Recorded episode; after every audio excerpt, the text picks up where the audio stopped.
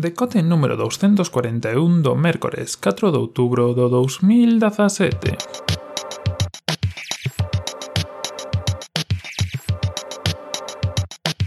Bos días pola mañá a todos e a todas. Hoxe imos falar un pouco da realidade aumentada.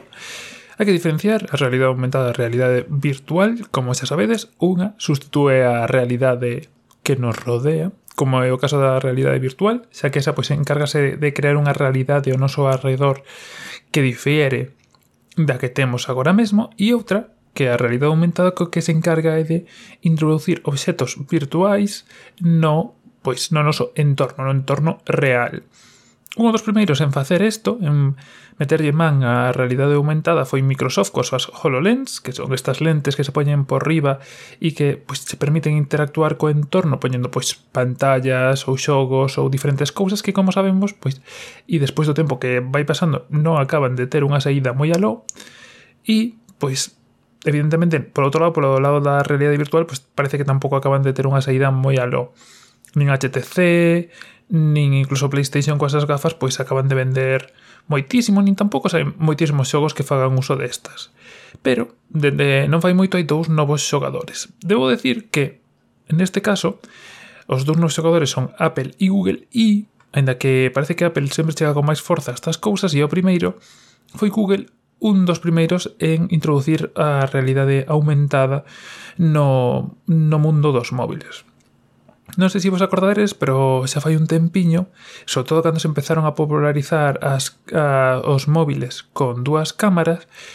Google sacou un programa que se chamaba Tango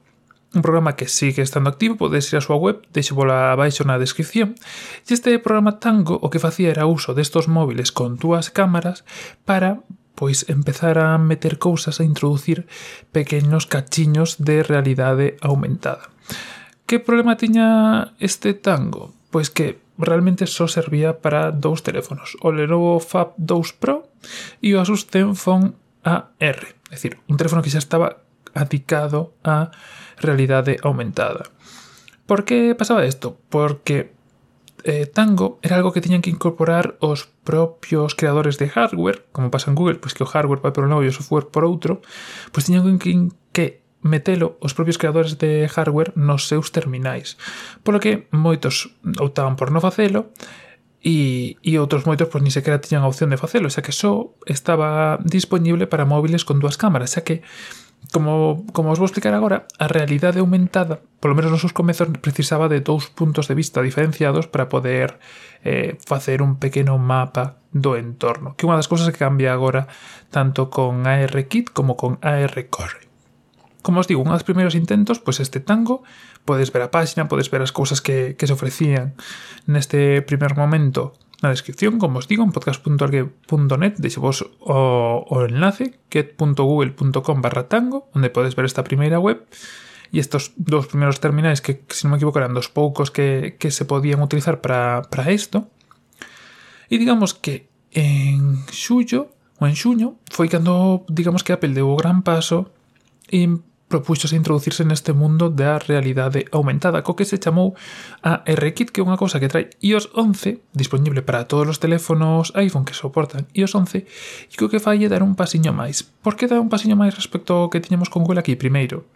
Porque non precisa de dúas cámaras.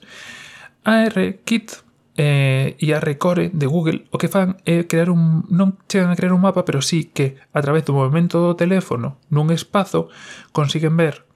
como cambian as figuras que teñen e isto crea un mapa espacial de espacios planos, espacios onde poder poñer as cousas e eh, superficies que non son plana, aristas, puntos de onde cambia a superficie, o que lles permite pois non crean un plano virtual, pero sí que crean pois un pequeno mapa, un pequeno eh, como chamalo, un pequeno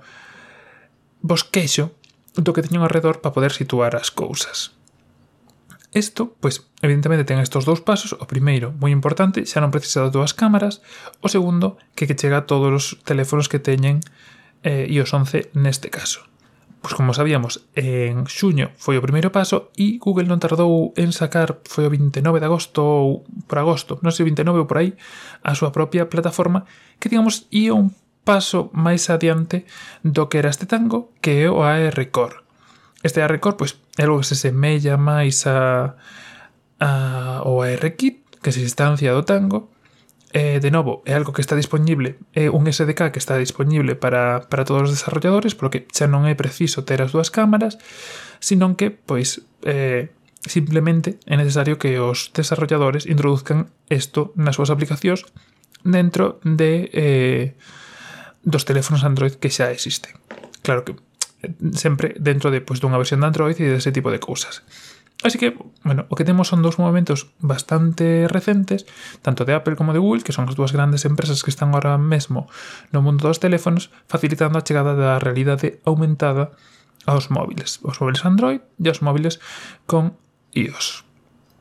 Que pasa con este aspecto? Pois como decía ao principio, no caso da realidade virtual, aínda que no momento sí que foi un boom, o seu precio e sobre todo a utilidade real de facer xogos que un dos, prime, un dos principais sitios onde, onde un dos principais nichos onde se pode sacar partido a isto pois está facendo que quede un pouco esquecida aí atrás como os digo eh, os primeiros componentes, o primeiro hardware que saiu xa vai para dous anos e realmente pois non está tendo para nada unha recepción ou un número de ventas ou algo significativo. Que pode pasar coa realidade aumentada? Pois un pouco o mesmo. Se hai aplicacións aí fora, onte mesmo, antonte mesmo saía a de IKEA, que está moi ben, pero de novo, é un catálogo moi concreto, require moito esforzo por IKEA, xa que ten que facer un mapeado completo en tres dimensións de dos móviles que sobre o catálogo, xa que evidentemente si, si o queres facer ben tens que ser capaz de moverte a través da sala, ver como quedan, velos de fronte, dun lateral, de outro, de frente, E para isto, pois, evidentemente, require un mapeado de certa calidade, de certa forma. entonces aínda que as, as ferramentas estén aí, aínda que RKit e RCore estén aí, despois é necesario tamén un traballo por parte dos, dos desarrolladores, que evidente, pois, que quizá hai algún nicho no que se que pode tomar forma, como digo, o caso de IKEA, pode ser. Logo tamén hai aplicacións, como xa falamos por aquí, de, a de Egin, que pois van a aproveitarse un pouco desto, pero que realmente non vai ser o, o caso onde se utilice, non é práctico utilizalo, salvo con casos moi moi concretos. E logo temos a terceira parte, como me comentaba outro día Camposancos, e eu creo que xa falei por aquí, que a de xente que se intenta aproveitar do boom, que se intenta aproveitar do momento, de que todo o mundo quere probar cousas con, con AR, con AR Kit ou con AR Core, e saca aplicacións de pago que realmente, pois, pues, si pasan dous anos ninguén querería pagar por elas e hoxe seguramente pois sí que saquen algún, algún cartiño con isto como por exemplo a que saca proveito de Strava e de Relief, da aplicación da que falamos outro día para facer mapas que se poidan poñer sobre un sitio É dicir, que sobre unha mesa poidas ver o mapa en tres dimensións e moverte alrededor del do mapa do recorrido que fixeches correndo ou en bici ou que sexa. Que pasa?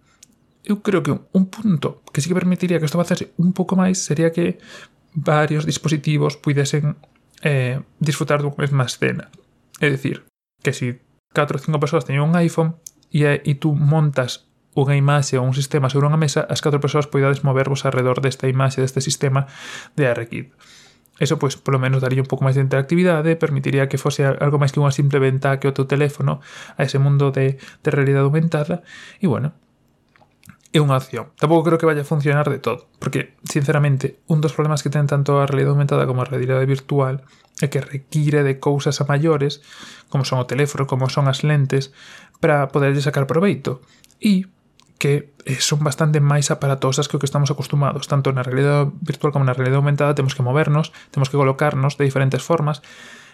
requírenos unha mobilidade para xogar, para ver cousas que pues pode ser que puntualmente este ben, pero normal é que manteñamos como estamos facendo. É dicir, no caso de Egg-In, que unha das que probei, para xogar a él simplemente falo no móvil, xogas e listo, estás sentado, estás tumbado, non tens que facer nada. Cando montas, cando tens que montar sobre unha mesa coa realidade aumentada, primeiro, perdes máis tempo, non é simplemente abrir a aplicación, abrir a aplicación, abrir o sistema de realidade aumentada, que esta detecta superficie plana e sobre superficie plana monta granxas sobre, sobre a que logo empezas a interactuar. interactuar. E isto evidentemente pues, complica bastante o, o sistema. Que hai cousas que poden ser útiles como a de IKEA? Pois sí, pero é gratuita, tédela, deixo na descripción tamén,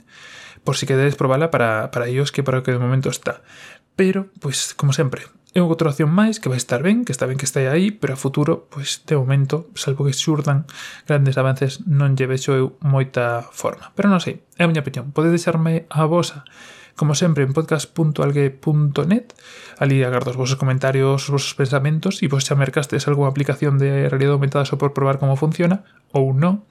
e que pensades un pouco do futuro desta tecnoloxía así como da realidade virtual e nada máis por hoxe lembrarvos que mañá non estaremos por aquí é festivo para min e que volveremos o venres con máis cousiñas. Nada máis por hoxe, un saúdo e ata a próxima.